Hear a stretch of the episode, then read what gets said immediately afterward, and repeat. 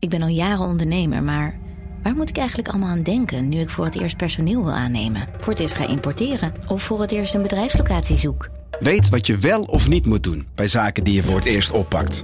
Check kvk.nl voor praktische stappenplannen. KVK, hou vast voor ondernemers. Al 125 jaar kwaliteit voor jou thuis met Miele. Dat vieren we met jou. Ontvang nu tijdelijk een cashback tot 125 euro op veel Miele-apparatuur. Geniet van de kwaliteit van Miele. Voor perfect verzorgd wasgoed en kleding die veel langer mooi blijft. Voor een stralend schone vaat, even perfect als jouw diners. En een stofvrij thuis waarin echt hygiënisch schoon de standaard is. Check miele.nl voor alle feestelijke aanbiedingen.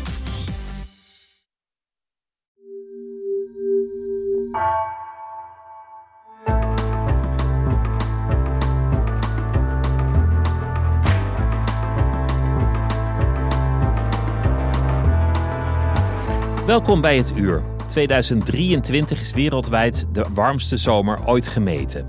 Het warmste jaar in de geschiedenis tot nu toe was 2022 en daarvoor was 2021 het warmste jaar. Het nieuws gaat over branden, overstromingen, vluchtelingen te voet of in wankele bootjes op weg naar het noorden. Sinds het klimaatakkoord van Parijs, waar werd gesproken van morele plicht en noodzaak, is de uitstoot van CO2 alleen maar toegenomen. De korte versie: we zijn gedoemd.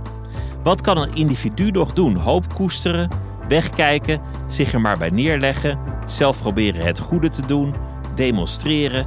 Filosoof Lisa Doeland promoveerde op die kwestie. Over hoe om te gaan met zoveel doemscenario. Ze schreef er een boek over met de titel Apocalypsofie. Welkom bij het uur. Lisa, welkom. Wat leuk dat je langs wilde komen. Er is hier airco, uh, we hebben glaasjes water, we komen dit uur wel door. Is, is, is er toch wel iets van hoop dat, dat we onze luisteraars gaan meegeven dit komend uur? We gaan toch niet alleen maar doen praten en uh, depressief uit dit uur komen? Zeker niet. Nee, ik denk dat als je, als je durft stil te staan bij hoe erg het allemaal is en hoe erg het allemaal nog zou gaan worden, dat dat op een vreemdsoortige manier, maar daar zullen we dan achter komen vandaag, dat het ook heel, nou, op een bepaalde manier heel hoopvol kan zijn. Of in ieder geval, het kan een hoop energie geven, denk ik. En ook um, zin in de toekomst misschien zelfs wel. Is dat de reis die je zelf hebt doorgemaakt tijdens je onderzoek en, en je promotie en het schrijven van je boek? Uh, ja, eigenlijk uh, hoe meer ik uh, niet ben weggegaan van pijnlijke inzichten, informatie uh, die tot mij kwam, uh, hoe opgewekter ik er uiteindelijk van uh, word. En dat gaat met ups en downs, dat gaat op en neer. ook ik kan wel eens angstig zijn, paniekerig, wanhopig. Uh, maar dan weer hoopvol. Ik denk dat dat ook niet gek is dat het elkaar afwisselt. Ik denk dat dat gewoon is wat wij allemaal, uh, wat ook goed is. Ik denk dat uh, zowel hopen als wanhopen op momenten erg goed kunnen zijn. dat, we ze niet, dat we niet de een moeten prefereren boven de ander. hoop geeft energie en wanhoop geeft realiteitszin op momenten, zou ik zeggen. Het lijkt een beetje op omgaan met de dood. Zeker, ja. Eigenlijk... Want, want, we zijn allemaal bij geboorte al gedoemd tot overlijden. Nou ja, dat jij doodgaat, dat ik doodga, is nog altijd niet bewezen. Tot het moment daar is. Maar aannemelijk dat het niet zo is, zou ik het niet noemen. Ga er maar vanuit dat je sterfelijk bent. Precies. En daar, daar ga je ook mee om. En daar, daar spreekt de filosofie zich ook altijd over uit. Filosoferen is leren om te sterven. Ja. Dus, dus dit is omgaan met een ander noodlot. Dat Ja. hoort ook bij de filosofie. Eh, precies, dus dat is eigenlijk de, dat is een van de vragen die ik me eh, de laatste jaren gesteld heb en die ik ook in dit boek aan de orde stel. Dus we kenden al de vraag naar de sterfelijkheid. Moeten we tegenwoordig niet ook de, de vraag naar de uitsterfelijkheid stellen? En ik denk dat die vraag door veel mensen verkeerd wordt begrepen. Um, uh, ik, ik, ik, las vandaag nog iets en toen dacht ik: oh, maar deze lezer heeft het opgevat als, um, als een soort fatalisme. Um, die heeft gedacht: uh, stilstaan bij uitsterving betekent zeggen: ik geef mijn portie aan Vicky, het maakt allemaal niet meer uit. Het er is toch niks aan te doen. Er is niks aan te doen. Er komt geen oplossing. Nee. We gaan eraan. We gaan eraan. Het enige wat ons wacht is gewoon passief die ondergang op ons af laten komen. En dat is nou precies uh, niet mijn punt. ik denk dat als je serieus stilstaat bij de vraag naar uitsterfelijkheid, um, waarbij je dan overigens ook, um, en dit heeft uh, René ten Bos, um, een filosoof in zijn boek Extinctie eerder al heel goed uitgelegd uitsterven is, iets, is, een, soort, is een rommelig proces. Uh, en het, het dwingt je ook de vraag te stellen: wat is een soort eigenlijk bijvoorbeeld? Wat is de mens eigenlijk? Dat soort vragen komen er allemaal bij kijken. En uh, het dwingt je eigenlijk, als je stil te staan bij uitsterving, ook je af te vragen. Um, in welk proces zit ik? In welk proces zit ik überhaupt? Met wie zit ik daarin? Hoe verhouden wij ons tot elkaar? Uh, en ook, misschien om het iets specifieker te maken, hoe um, is mijn op dit moment nog redelijk welbevinden hier uh, mede mogelijk gemaakt door uitsterven daar. Uh, maar zijn we aan het uitsterven? Als, als menselijke soort? Denk jij echt dat er een dag komt dat Homo sapiens er niet meer zal zijn? Of moet ik het meer spreekwoordelijk opvatten? niet uitsluitend. We zitten sowieso in de zesde massa-extinctie. Daar is ook nou, wetenschappelijke consensus wel over. Het, het aantal soorten dat uitsterft, uh, dat gaat in een heel rap tempo. Uh, dus dat, dat sowieso. Er is nu sprake van uitsterving. Uh, er is natuurlijk nog niet sprake van uitsterving van de mens. Dat zou het probleem wel oplossen. Kijk, we gaan sowieso. ja, nou, we gaan sowieso een keer uitsterven. Dat is een gegeven. De uh, dinosaurus ging ons voor. Onze tijd komt nog wel. Natuurlijk, nou ja. En hè, dus aan het einde wacht natuurlijk de hitte dood van het universum. Dus als je helemaal ver doorgaat, het uitsterven gaan we sowieso. Maar wat betekent dat? Uh, en, en, en, en, de vraag is denk ik vooral: uh, hoe sterf je dan uit? Hoe kun je een beetje goed uitsterven? Dus wat ik, de vraag die ik daar eigenlijk mee wil stellen is: hoe zijn wij in deze situatie beland?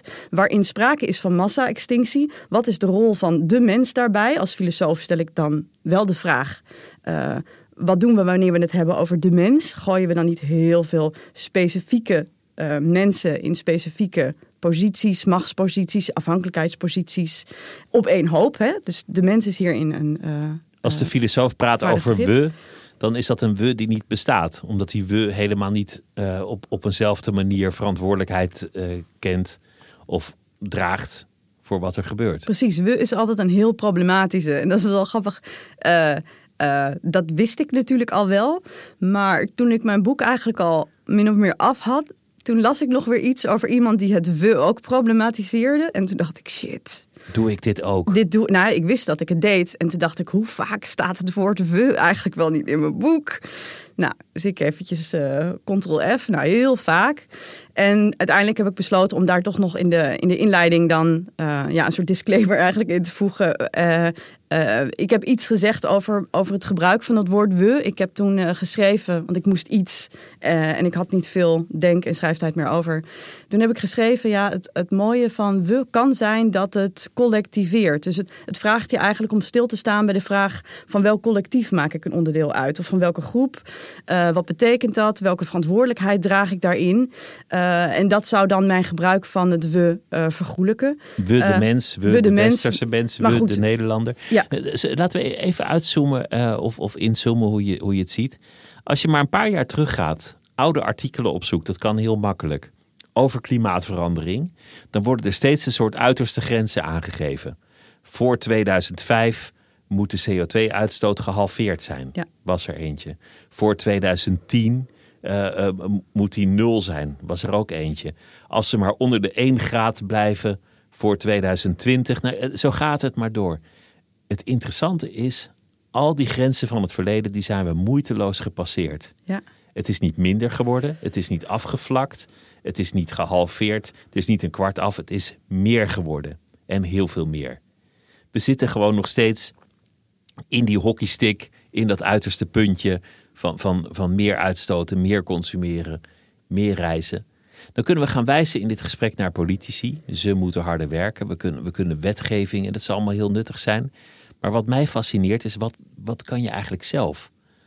Hoe kan je met een zuiver geweten de dag doorkomen als je weet dat wat jij doet uiteindelijk niet zo heel veel uitmaakt? Uh, nou, ten eerste met een zuiver geweten gaat het je sowieso niet lukken. En ik denk dat, dat bestaat niet. Nee, nou, ik denk dat het ook een beetje gevaarlijk is om een zuiver geweten te willen hebben. Of om uh, of een zuiver leven te willen leiden. Want je, Uh, je, ik, ik denk dat het belangrijk is om op een gegeven moment te accepteren. Je kunt het nooit helemaal goed doen. En waarom is dat? Omdat je onderdeel bent van een heel problematisch, ziekmakend, kapotmakend systeem, geheel. Dus ik, ik heb het nu over een systeem.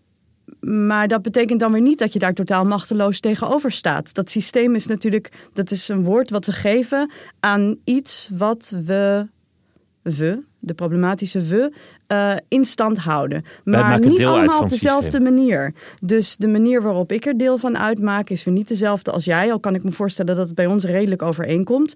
Uh, omdat we andere posities innemen, vaardigheden hebben, um, uh, capaciteiten of hoe, je, hoe je het ook noemen wil. Dus niet iedereen is daar, kan daar ook op dezelfde manier verantwoordelijk gesteld worden of, of, of invloed uitoefenen op dat geheel. Uh, maar ik denk dat het wel heel belangrijk is om je de vraag te stellen: inderdaad, hoe kun je dat wel en hoe ben je ermee uh, verknoopt? En hoe kun je onderdeel zijn van het, van het veranderen daarvan? Uh, en daarmee wil ik niet zeggen dat je in één keer een soort nieuw systeem. Uh, dus hè, dit is het foute systeem, laten we zeggen in dit geval het kapitalistische systeem. Nou, dat is het probleem. Dan heb je een heel duidelijk vijandsbeeld, ook een heel duidelijk probleem. Nou, en dat moet weg en daar moet dan een nieuw systeem voor in de plaats. Dat, uh, dat, dat propageer ik niet. Ik denk dat dat heel problematisch is.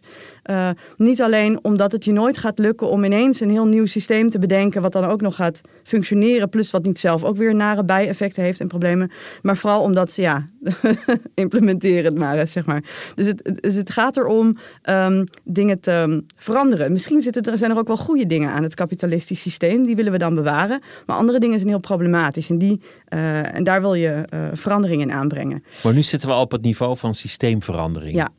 En dat is ingewikkeld. Dictaturen heb ik al gehoord van ja. mensen. Die zeiden democratie gaat te langzaam. Nou, noem mij een groene dictator. Ik heb hem nog niet gezien. Ja. Communisme was veel vervuilender dan kapitalisme. Ze waren allebei vervuilend. Maar, maar wat, wat je meestal hoort is dat mensen zeggen: ja, maar ik eet geen vlees. Ik, ik doe aan fietsvakanties. Ik heb zonnepanelen. Ik rij een elektrische auto. Ik douche maar twee minuten. Zo kan je eindeloos doorgaan, waardoor je als het ware een kaart speelt die zegt: Ik heb mijn steentje bijgedragen.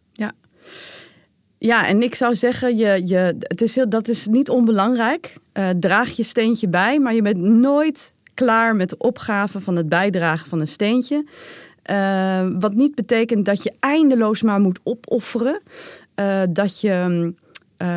dat heb ik in mijn boek proberen te vatten in het begrip ecorexia. Want daar zou je ecorexia van kunnen ontwikkelen. Je, je gaat zo gebukt onder, onder het willen hebben van schone handen uh, het zuiver zijn, uh, het, je willen onttrekken aan dat systeem, dat het op een gegeven moment dat het onleefbaar wordt en dat de lol er ook helemaal af is. Uh, weinig plezier ook, stel ik me zo voor. Want dat is ook een opdracht, gewoon een leuk leven hebben.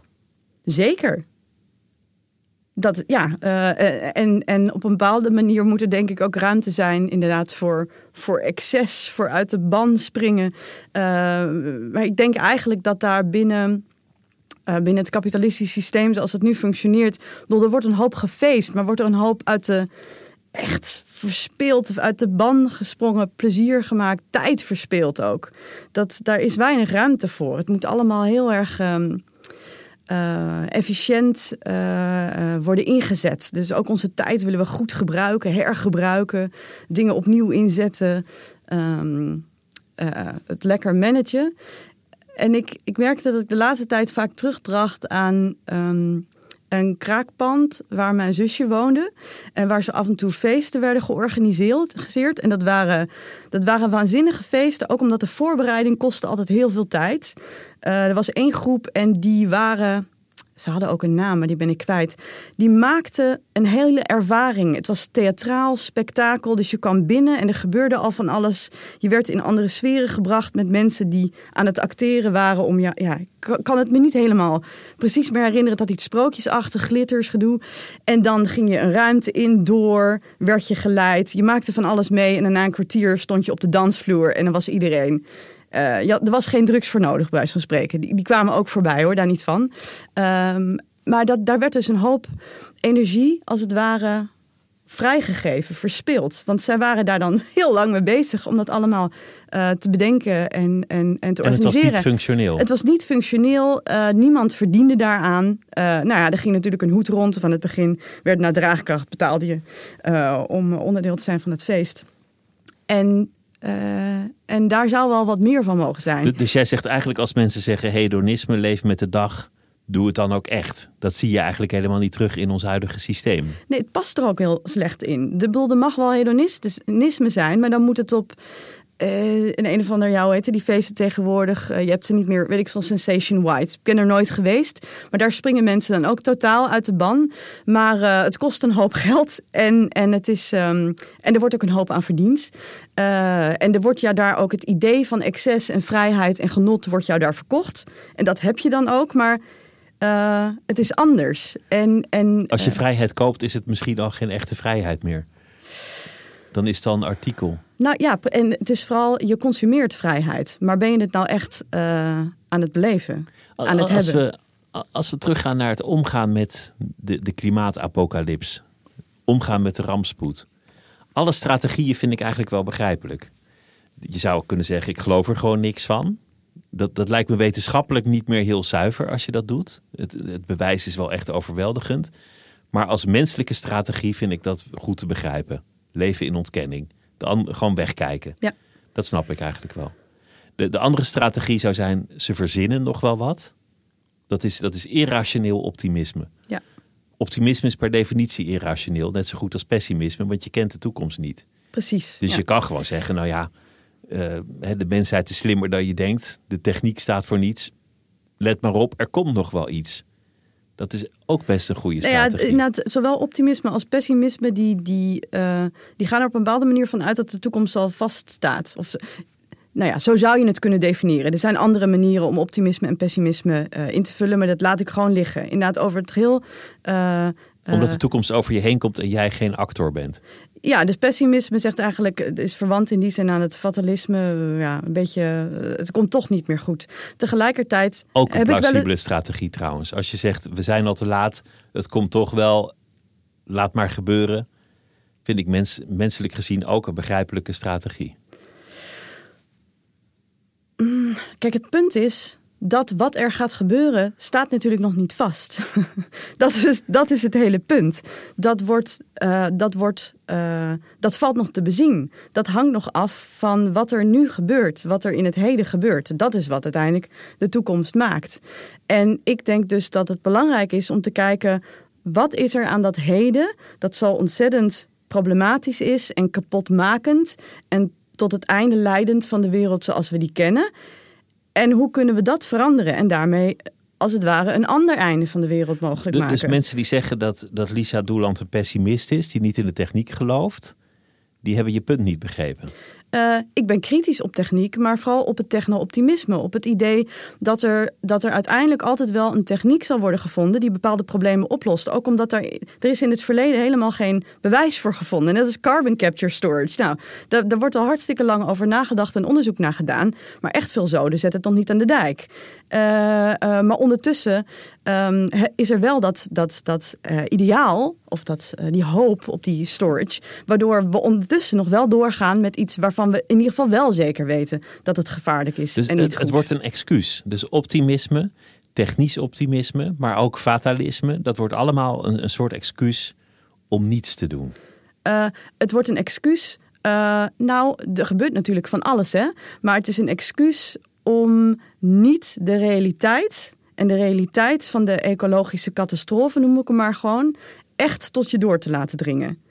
Die is nu al heel erg. En, um, en de wetenschappelijke verwachtingen, prognoses, zeg maar, uh, die zijn ook niet bijster goed. Laat dat nou eens doordringen. Vraag je vervolgens af, wat zijn de drijvers van dat proces? Uh, en ga, die dan, ga daar dan kijken hoe je daar iets aan kan veranderen.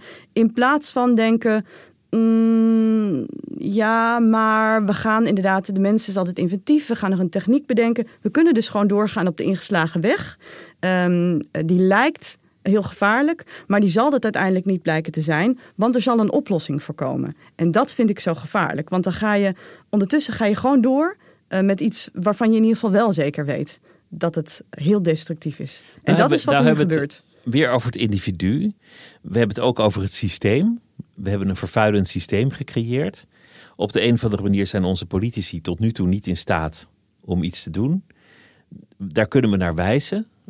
Als individu kan je zeggen, nou ja, oké, ik heb heel kort gedoucht en, en, ik, en ik kom op de fiets. Maar dan ben je nog steeds minder dan een, een zandkorrel in de woestijn. Om, om het maar even cru te zeggen.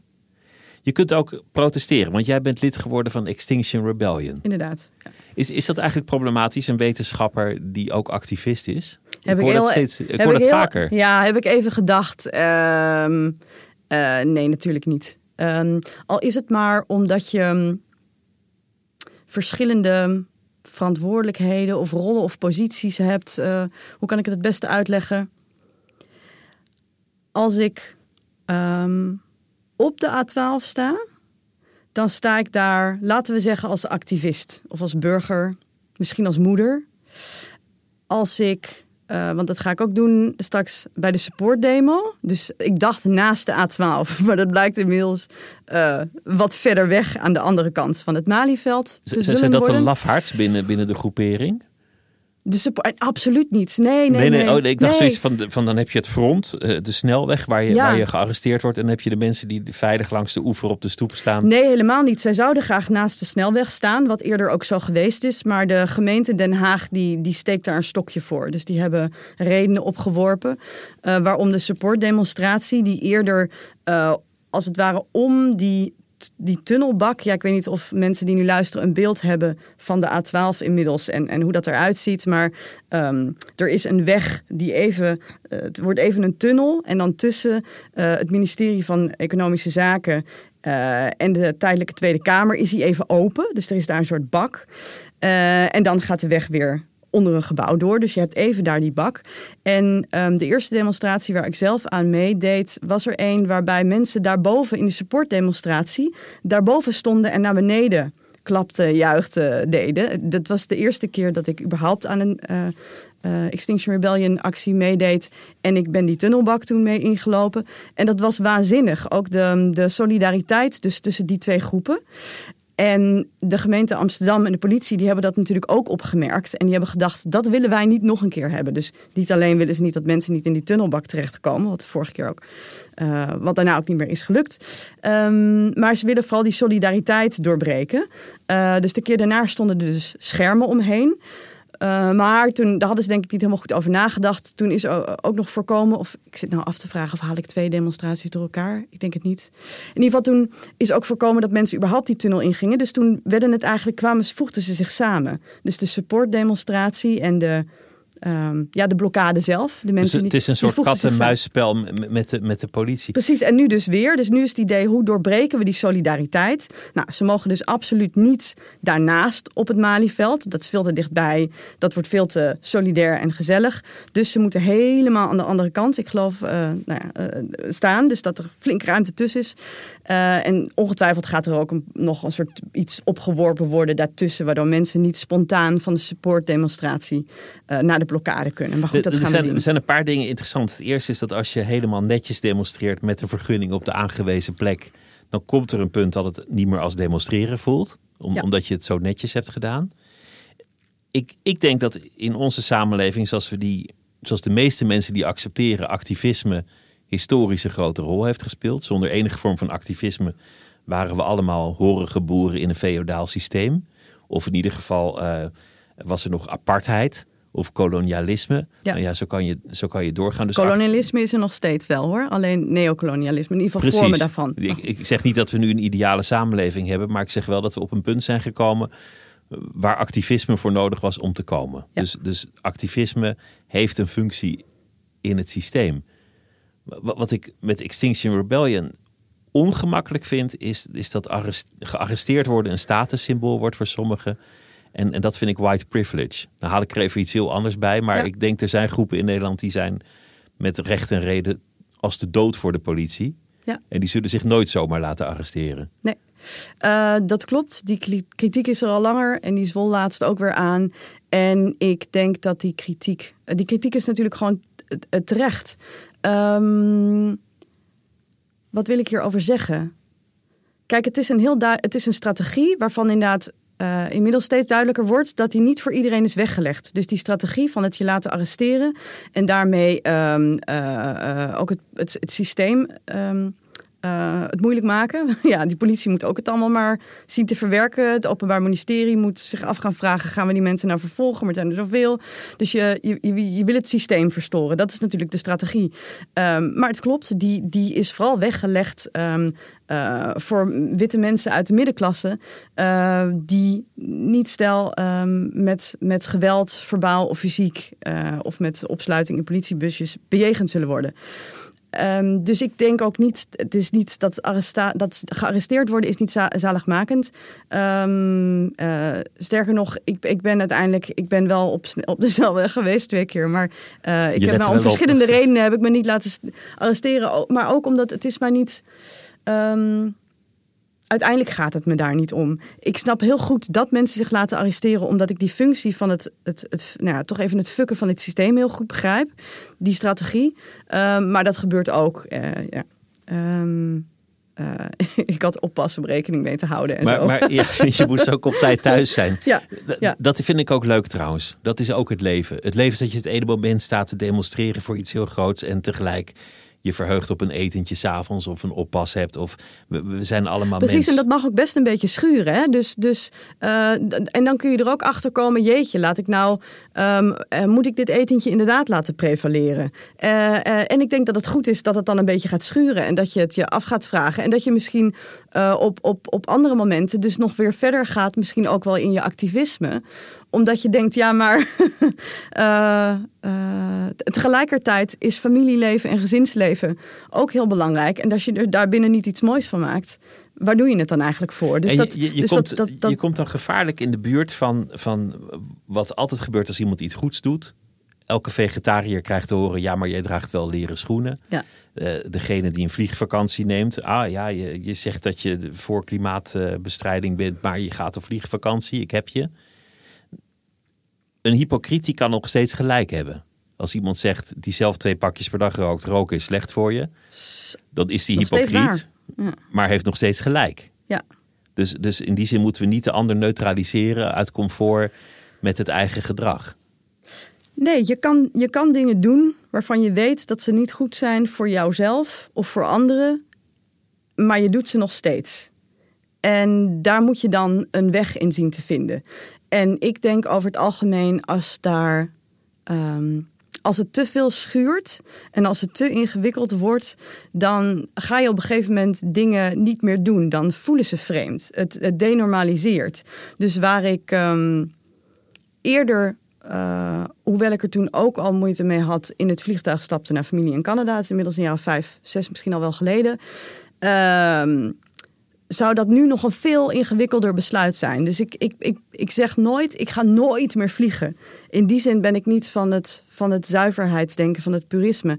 Tegelijkertijd kan ik me heel erg slecht voor, voorstellen dat ik uiteindelijk tot de afweging kom om het te doen.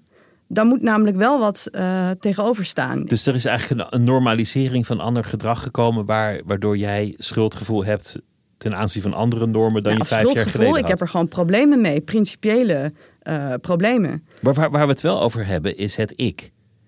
Het, het, het, niet om cynisch te doen, maar dit gaat over jou. Het, het gaat over jouw gevoel, jouw persoonlijke uh, Het wordt afweging. nogal gedeeld, toch? Dus ik, ja, ja. Bij, bij, heel veel mensen. Maar dan, dan gaat het eigenlijk nog steeds over hoe voel ik me zuiver ten aanzien van die grote gebeurtenissen. Ah, zo. Ja. Uh, begrijp je wat ik bedoel? Ik, begrijp, ik bedoel dat niet om je te neutraliseren nee. of om flauw te doen, want dat, daar gaat het me niet om.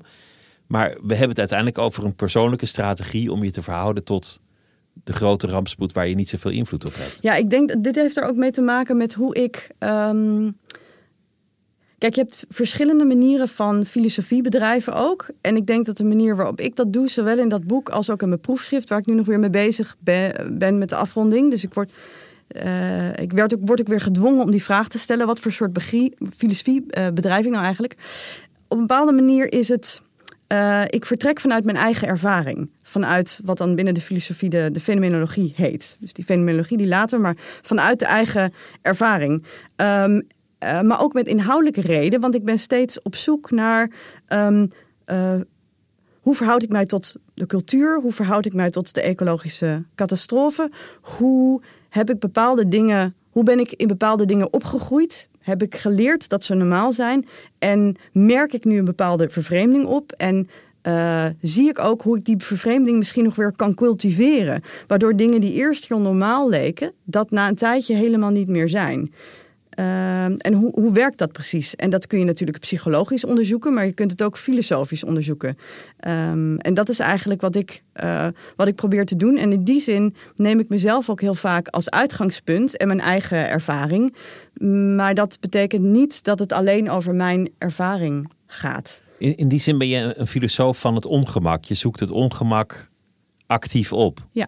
Daar waar het schuurt, waar het pijn doet, waar je liever niet over na zou denken. Een gedachte die je niet, niet lekker zit. Ja. Dat, dat is precies waar jij wil zijn. Precies. Ook, waarschijnlijk ook omdat ik er eigenlijk zelf vaak helemaal niet zo goed in ben.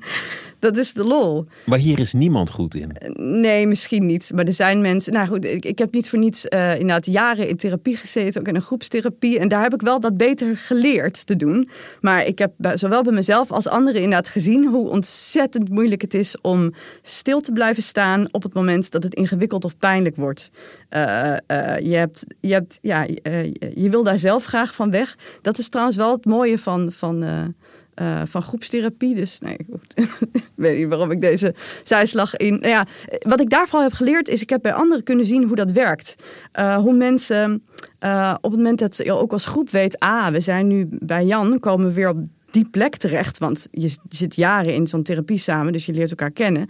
Dus kijken wat Jan gaat doen. En dan heel vaak gaat Jan je om zijn tuintje heen leiden, als het ware. Dus dan sta je aan het hekje met z'n allen, ook in die groep. En dan word je er weer vakkundig omheen geleid. Maar goed, met de jaren uh, leert Jan ook, oh, dan ga ik het weer doen. hey, laten we eens proberen het hekje open te krijgen. Je, je herkent andermans strategie. Ja, en, en, en, je, je, en, je, en, je, en je herkent later van, oh, maar dat, ik zit dan wel te lachen om Jan, maar ik deed het, ik doe het zelf ook.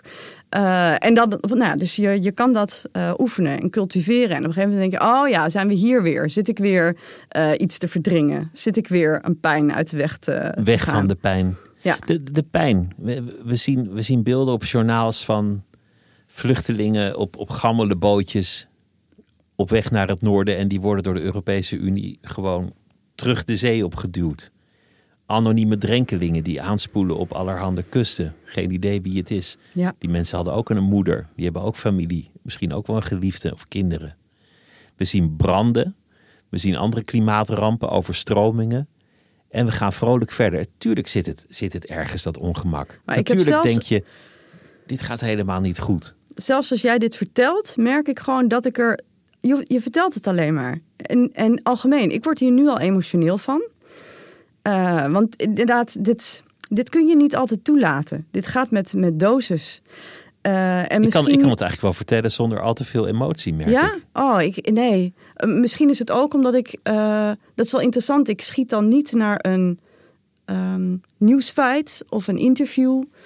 of wat dan ook, een, een documentaire. Ik schiet naar een, een film die ik ooit heb gezien. Dus dat kan niet heel lang geleden zijn geweest. Those Who Feel the Fire Burning... En dat ging over mensen die verdronken in de Middellandse Zee. En hun verhalen werden, werden verteld.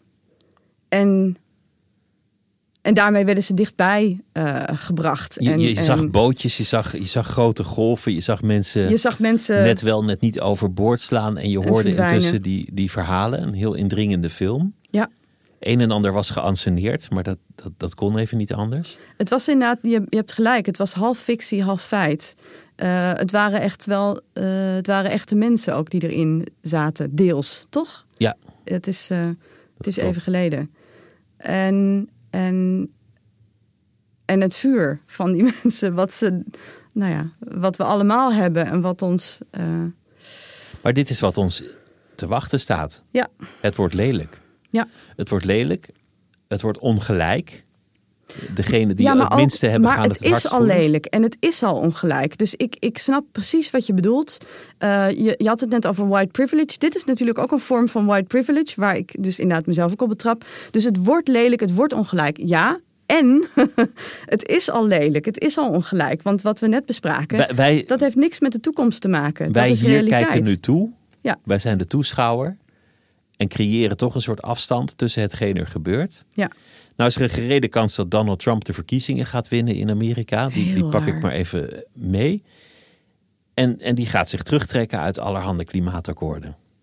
Voor zover die klimaatakkoorden al veel betekenis hebben. Ja. Ja, wat, wat moet ik hierover zeggen? Nou ja, Ik, kijk, eh, kijk die afgrond nog eens lekker in. Nou ja, ja, ik heb dan vooral het gevoel dat ik in een soort science fiction film eh, beland. Als ik daaraan denk. Eh, of een science fiction boek. Eh, en dat zijn vaak geen gezellige boeken. En het is desalniettemin is het belangrijk, denk ik, om ze te lezen. Maar er zijn. Maar ik denk dat het en ik denk dat het belangrijk is om niet alleen die verschrikkelijke science fiction films en boeken in de collectieve verbeelding naar boven te roepen, waarin eh, het een oorlog wordt van alle tegen alle en waarin we elkaars hersens gaan inslaan om het laatste brood, want dat is waar je dan snel aan denkt.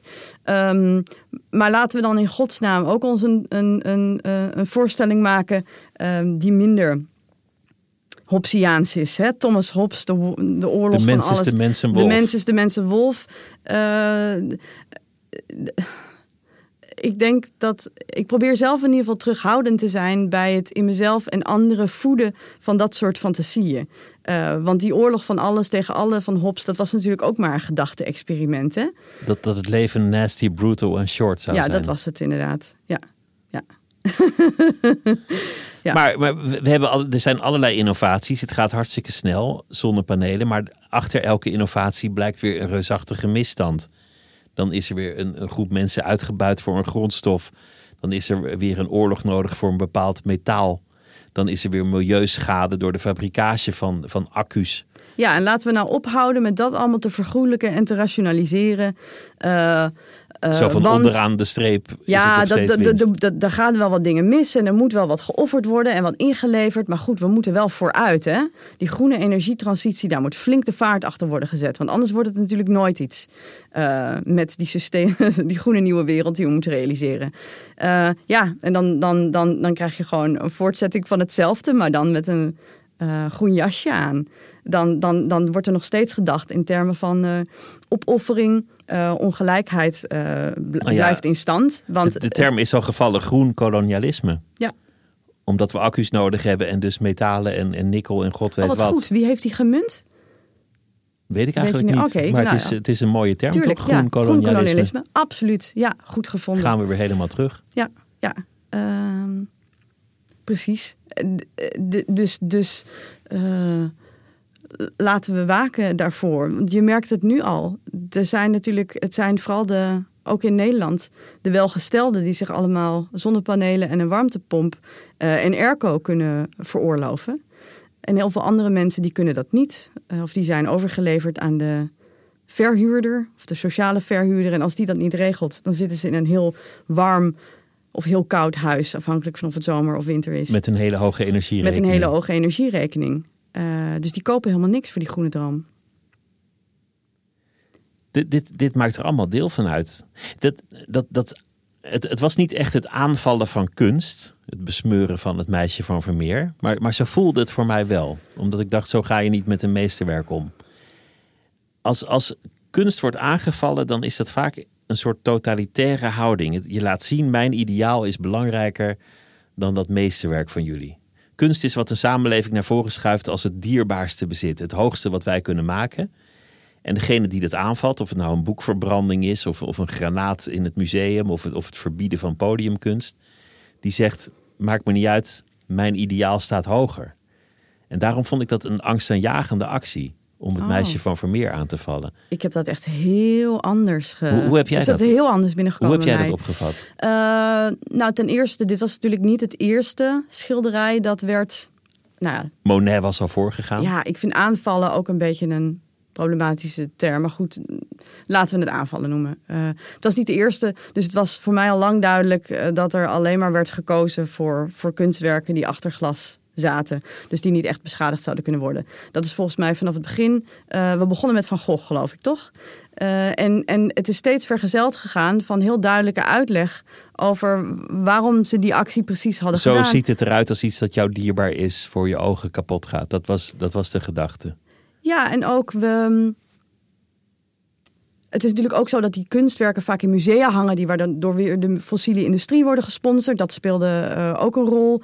Um, er is een soort verheerlijking van kunst. Dus hier mag je absoluut niet aankomen. Uh, maar al die andere mensenleven elders die verloren gaan um, vanwege wel of niet handelen elders op de wereld, dat vinden we dan niet belangrijk. Uh, hier moet aandacht aan gevraagd of aan dus dit, Hier dit is bij stilstaan. Dit is eigenlijk mijn interpretatie waar we het nu over hebben. Die, die, die, kunnen, die kunnen we laten gaan. Wat, ja. wat ik bedoel te zeggen is, is dat je allerlei waarden... Volgens mij zit je ook een beetje te vissen naar of ik, of ik ooit een soort ecofascisme zou voorstaan. Of begrijp ik dat nou verkeerd?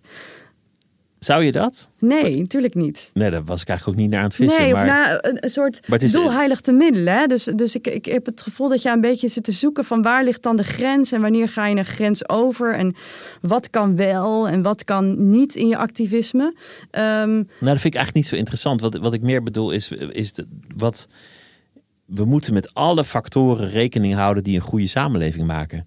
Gelijkheid, rechten. Uh, economische voorspoed. Al die dingen zijn belangrijk. Een goed ontwerp kan zich niet concentreren op één aspect. Nu raakt het klimaatbeleid daardoor ook ondergesneeuwd. Maar het lukt ons denk ik heel moeilijk om het allemaal in balans te krijgen. Dat, dat is eigenlijk meer mijn punt. Ja. Um, ja, ik hoor hier vooral een wens in om denken over um, de klimaatcrisis te zien als een soort intersectioneel probleem. Dus uh, je, je gaat het niet oplossen door alleen maar windmolenparken of zonnepanelen. Je moet, uh, je moet dan ook iets doen aan, uh, aan ongelijkheid, sociale, financiële ongelijkheid. Want het is allemaal met elkaar verbonden in die zin. Uh, ja, dat kan ik alleen maar enorm met je eens zijn. en dat maakt het nog ingewikkelder. En dat maakt het. Um, maakt het dat ingewikkelder? Jawel, dat maakt het wel. Het is minder makkelijk om. Um, want je kan dan niet meer zeggen. Uh, zie, dat, alleen dat is het probleem. En als we dat nou uh, oplossen, dan zijn we er. Dat zie je natuurlijk nu eigenlijk met CO2. Hè? Dat wordt een soort fetish. Als we dat maar oplossen, als we CO2 maar uit de lucht kunnen halen, of als we uh, CO2 maar af kunnen vangen, of wat dan ook, uh, dan zijn al onze problemen opgelost. Dan kunnen we weer dan op vakantie, het, dan kunnen we door. Dan kunnen we door en dan is het weer klimaatneutraal. Terwijl ja, dan, dan, ja, dan maak je het een soort uh, een fetish. Een, een, het object van hoop en verlangen is dan CO2. En als we dat er maar kunnen regelen, dan, dan, dan komt het allemaal goed. Maar dat is natuurlijk niet zo. Dus je komt erachter uh, dat het uiteindelijk meer uh, belangrijker is om te kijken naar ongelijkheid en hoe die in stand blijft. En um, verhoudingen van uitbuiting en opoffering op allerlei manieren. Dat we onszelf. Um, dat we onszelf en anderen misschien soms ook tot denken in termen van relaties. Hoe kan ik dit goed uitdrukken? uitdrukken um, in termen van uh, wegwerpbaar of niet. Dus sommige levens zijn meer waard dan andere levens. En allerlei manieren om dat te rationaliseren waarom dat zou zijn. Um, maar niet alleen van mensen, ook van dieren.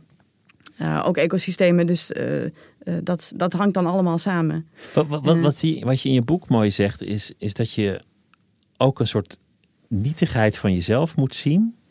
Dat je, dat je moet leren om jezelf te zien als deel van een soort. Nog groter als deel van een ecosysteem. Je zegt je moet je eigen opeetbaarheid leren zien. Ja, of ja, je, ja, je, je, je, je eetbaarheid. Je eetbaarheid, uh, daar, daar, um, uh, daar probeer ik iets over te zeggen.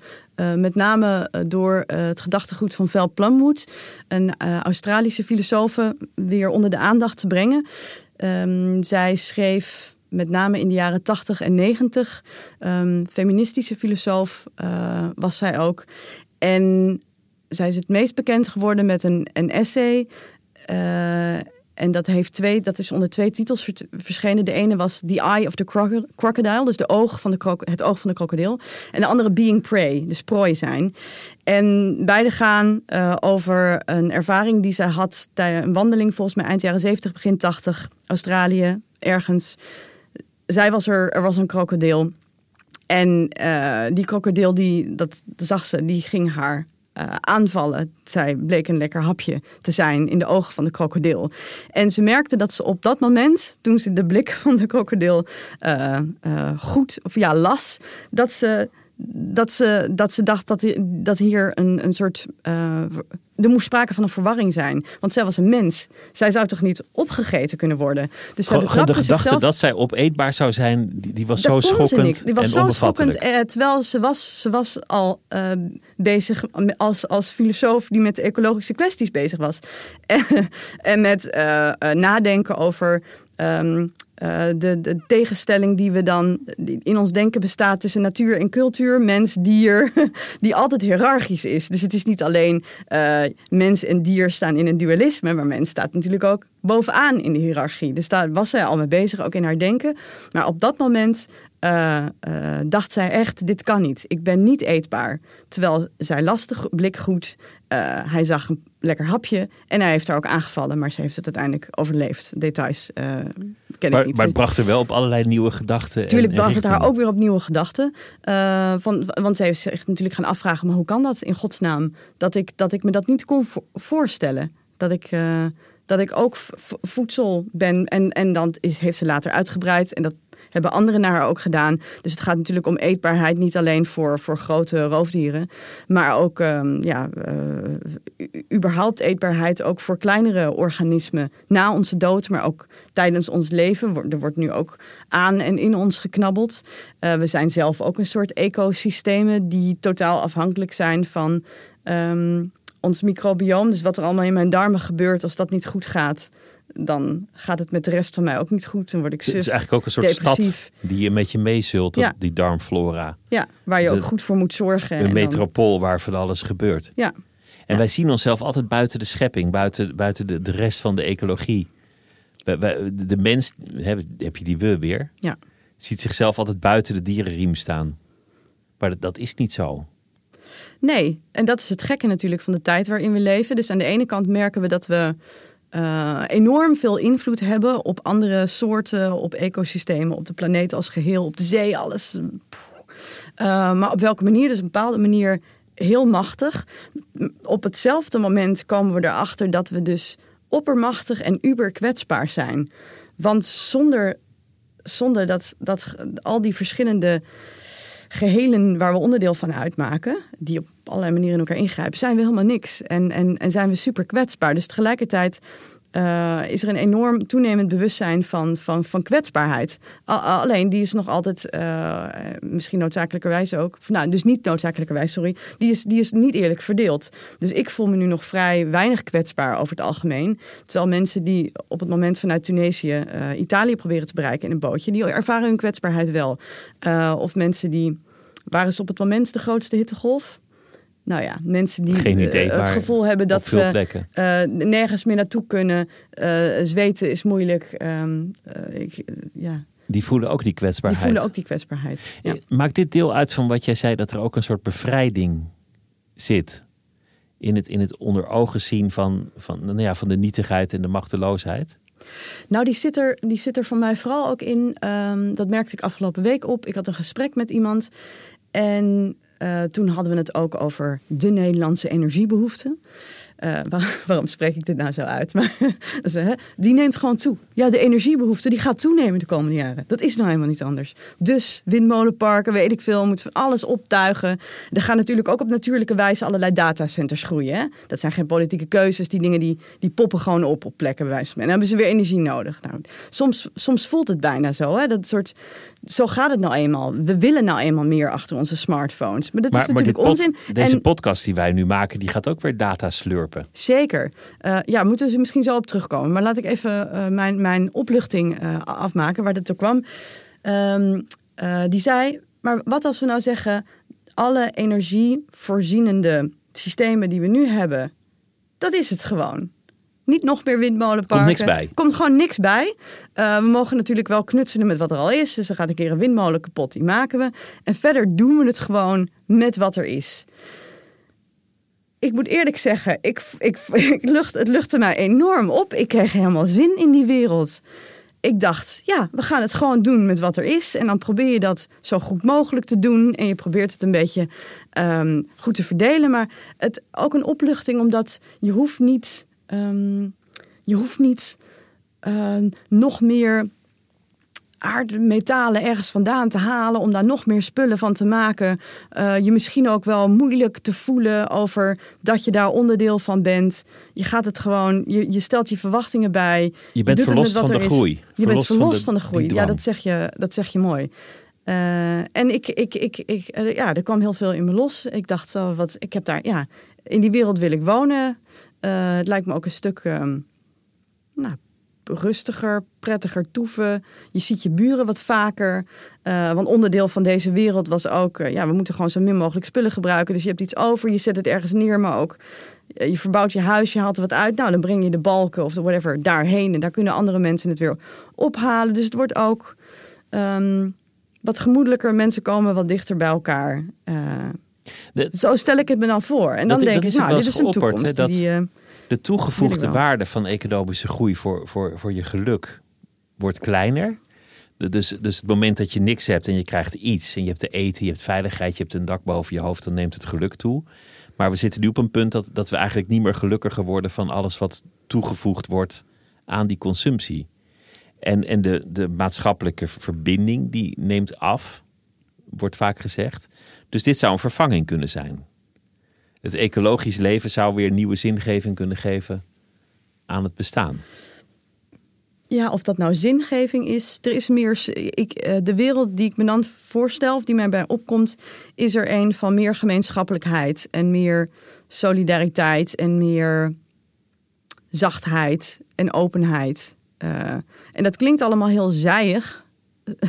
maar ja, is dat erg? Nee, ik. ik um, uh, ik teken daarvoor. Dus in dit systeem zijn we in een doodlopende straat terechtgekomen. Ja, en de vraag die ik steeds stel is inderdaad: hoe houden we die doodlopende straat? Hoe houden we daar alle aandacht nou de hele tijd op gericht? Waarom, waarom denken we dat het zo'n leuke straat is? Waarom zijn we zo bang om het los te laten? Waarom, waarom kunnen we die straat inderdaad niet loslaten? Wat is, nou, wat is nou het probleem? Maar goed, er zijn natuurlijk genoeg mensen die wel uh, die het toch wel een prettige straat vinden. En die er zodoende belang bij hebben. Maar misschien zijn er ook wel heel veel mensen, en ik denk eigenlijk dat die in de meerderheid zijn, die, uh, die ook wel zien dat het een problematische straat is. Maar die bang zijn en die zich, als ze dan een beeld van de toekomst proberen voor te stellen, kopen ze bij Thomas Hobbes en Brutus, Brutus, Nasty en Short. En denken ze, ja, dat wil ik ook niet. En dat lijkt een beetje de twee smaken te zijn die we hebben. Uh, of, het, of, um, of we laten groei los, maar dan stort alles in. Uh, dat kunnen we ons niet voorstellen. Uh, of we gaan gewoon door. Het is moeilijk om een, om een elegante, zachtaardige overgang naar een ander systeem te bedenken. Volgens mij, ja, een elegant. Ja, volgens mij gaan dit soort dingen nooit heel, helemaal elegant en zachtaardig. Um, maar ik stel me zo voor dat ze zachtaardiger gaan op het moment dat we alvast uh, uh, proberen een andere toekomst, een ander einde van de wereld mogelijk te maken. Uh, nieuwe manieren van doen, nieuwe manieren van beleid maken, ehm, samenleven. Is dat ook niet politiek een vorm van, bedrijven? Van... Je, je, moet het, je moet het alvast gaan doen en daarmee wordt, wordt een andere toekomst mogelijk. En er zijn al genoeg initiatieven.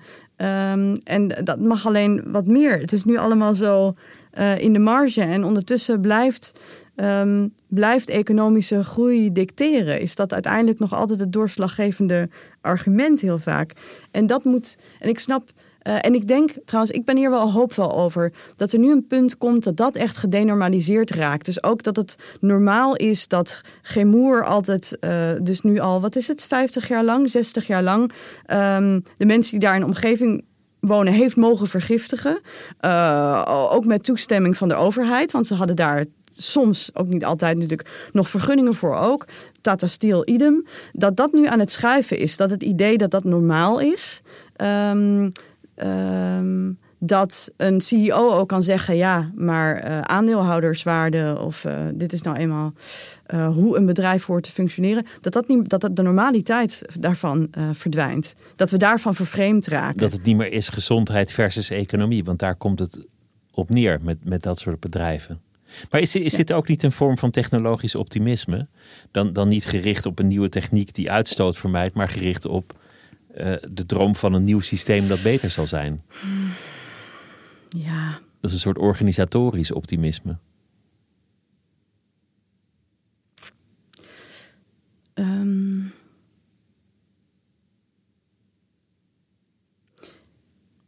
Ja, ik vind dat een hele moeilijke vraag. Omdat tegelijkertijd, als je merkt dat mensen dingen proberen anders te doen, ook samen anders te organiseren, dat ze dan weer tegen nieuwe problemen aanlopen. Uh, weet ik veel, je probeert in je organisatie machtsconcentraties te voorkomen door, zoals dat tegenwoordig kun je ook sociocratisch proberen dingen te organiseren. Bij Extinction Rebellion uh, proberen ze dat ook op die manier. En dat loopt ook niet altijd even lekker. Um, tegelijkertijd ben ik wel hoopvol over. Uh, uh, ik ben er hoopvol over, omdat je um, in de praktijk niet met, um, met een bepaald doel op, uh, voor ogen waar je naartoe wil. En daar kan dan van alles voor wijken om dat doel maar te bereiken. Maar door steeds te kijken, maar wat doen we nu echt hier in de praktijk, waar zijn we ook zeker van? Wat vinden we daarvan? Is dat goed? Uh, en dat is een stuk overzichtelijker. En dan ben je minder geneigd om te zeggen: het doel heiligt de middelen. Want het doel uh, de, de praktijk is wat je al goed probeert te doen. Je kijkt in het heden met, met de toekomst in het, in het vizier. Ja, maar die toekomst is niet. Um, uh, daar is niet een heel duidelijk doel in die toekomst. Er is niet een heel duidelijke utopie waar je naartoe werkt. Uh, het utopische zit nu juist in de manier waarop je het in het heden beter doet. En daarmee komt er vanzelf een betere toekomst ga ik vanuit. De toekomst, ja, die, die, is, er, die is er nooit nog. Die komt altijd nog. Uh, dus... je, je, kunt, je kunt eigenlijk zeggen dat, dat optimisme ook een soort morele verplichting is. Je, je, bent, je bent bijna veroordeeld tot optimisme. Hetzelfde als omgaan met de dood. Dat je elke dag geniet van het leven, ook al weet je dat het eindig is. Misschien krijgt het daardoor juist wel waarde, wordt, wordt ook wel eens beweerd. Dat, dat, je, dat, je, zoals de mythe van Sisyphus, dat je die steen maar blijft rollen. Ja, maar optimisme gaat dan ook over het idee... Hè, we leven in het, het beste van de mogelijke werelden of zo. Nee, ik bedoel optimisme... Desalniettemin ploeteren we voort, ook Ja. al weten we dat het misschien niet altijd zin heeft. Ja, ik weet niet of ik dat optimisme zou, zou willen noemen. Absurdisme. Ehm, ja, zinvolheid of zo. Het, het, het, het doet ertoe wat je doet. En je, je, je doet je best en je moddert aan en je maakt fouten. Eh, en dan probeer je het beter te doen. Maar je bent er nooit helemaal. En eh, je blijft eindeloos maar proberen toch je verantwoordelijkheid te nemen. Maar die verandert, want de wereld verandert. Jijzelf verandert. Eh, Dat dus vind ik heel mooi, zinvolheid. Dat is dus eigenlijk dat je zegt, door dat kleine stukje ruimte onder ogen te zien dat, dat aan jou is, geef je zin aan jouzelf. Ja. Of nou ja, ehm, maar niet alleen, ja, het, het gaat er uiteindelijk om. Het gaat je niet doet om het jou. Niet, het gaat niet om jou. Je doet het niet. eh, je doet het uiteindelijk niet, eh, niet voor jezelf. Ehm, je doet het juist ook voor anderen. En dat het, dat het mogelijk blijft voor anderen om voort te blijven leven. En zo keren we dan misschien ook nog weer terug naar die uitsterfelijkheid. Eh, wat betekent het nou om echt je uitsterfelijkheid onder ogen te zien? Dat het voortleven op een gegeven moment ophoudt. Ehm, en dat is nogal wat. Dus dat er na de kinderen of de kinderen... Op een gegeven moment houdt het op. Is er niemand meer die dingen verder kan geven. Door kan geven. Ehm, het leven houdt. Verschillende soorten levens houden op. Dus niet het leven in zijn algemeenheid. Maar ehm, eh, wat, wat, ehm, wat betekent dat? Dat is wel een hele grote gedachte, die, die uitsterfelijkheid. Ja. Ja, en natuurlijk op een bepaalde manier net zo onbevattelijk als, de, als het einde in zijn algemeenheid. Ehm, en misschien gaat het uiteindelijk daar niet om. Misschien gaat het om ehm, het zo goed mogelijk. Wa- wa- wat, hoe geef je daarvoor dan zo goed mogelijk door? Hoe leef je zo goed mogelijk voort. Dat is net als met de dood. Ja, dood gaan we sowieso. Ik ga ook sterven. Maar hoe ga ik nou zorgen dat ik ter zijner tijd goed sterf? Dat ik op een goede manier afscheid van het leven neem, zelf, voor mezelf, voor de mensen met wie ik dan nog omringd ben. Op zo'n manier dat we daar allemaal goede herinneringen aan hebben. Ik dan dus niet meer. Dat is eh, de vraag. Wat laat je na? Wat geef je door? Ja. Dat is eigenlijk het enige wat er op het spel staat. Ja. En, en, en, het, ehm, en de vraag naar de uitsterfelijkheid gaat ook bij. Ja, dus erbij stilstaan dat op een gegeven moment dat doorgeven, uh, dat dat dan dus uh, dat dat mogelijk stopt. Uh, en ik denk dat dat zo'n ingewikkelde en pijnlijke realisatie kan zijn. En dat we daar heel snel voor terugschrikken. Ik ook.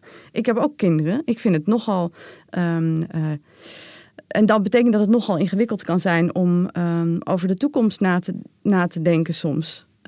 omdat ik dan het me heel moeilijk nog voorstelbaar vind soms om een toekomst voor hun en een voortleven voor hun voor te stellen. En dus voel ik de plicht om te, om te bedenken hoe dat kan. En daarmee hopelijk mede vorm te geven dat dat zo is. Dat is misschien wel. Uh, en dat is heel ingewikkeld.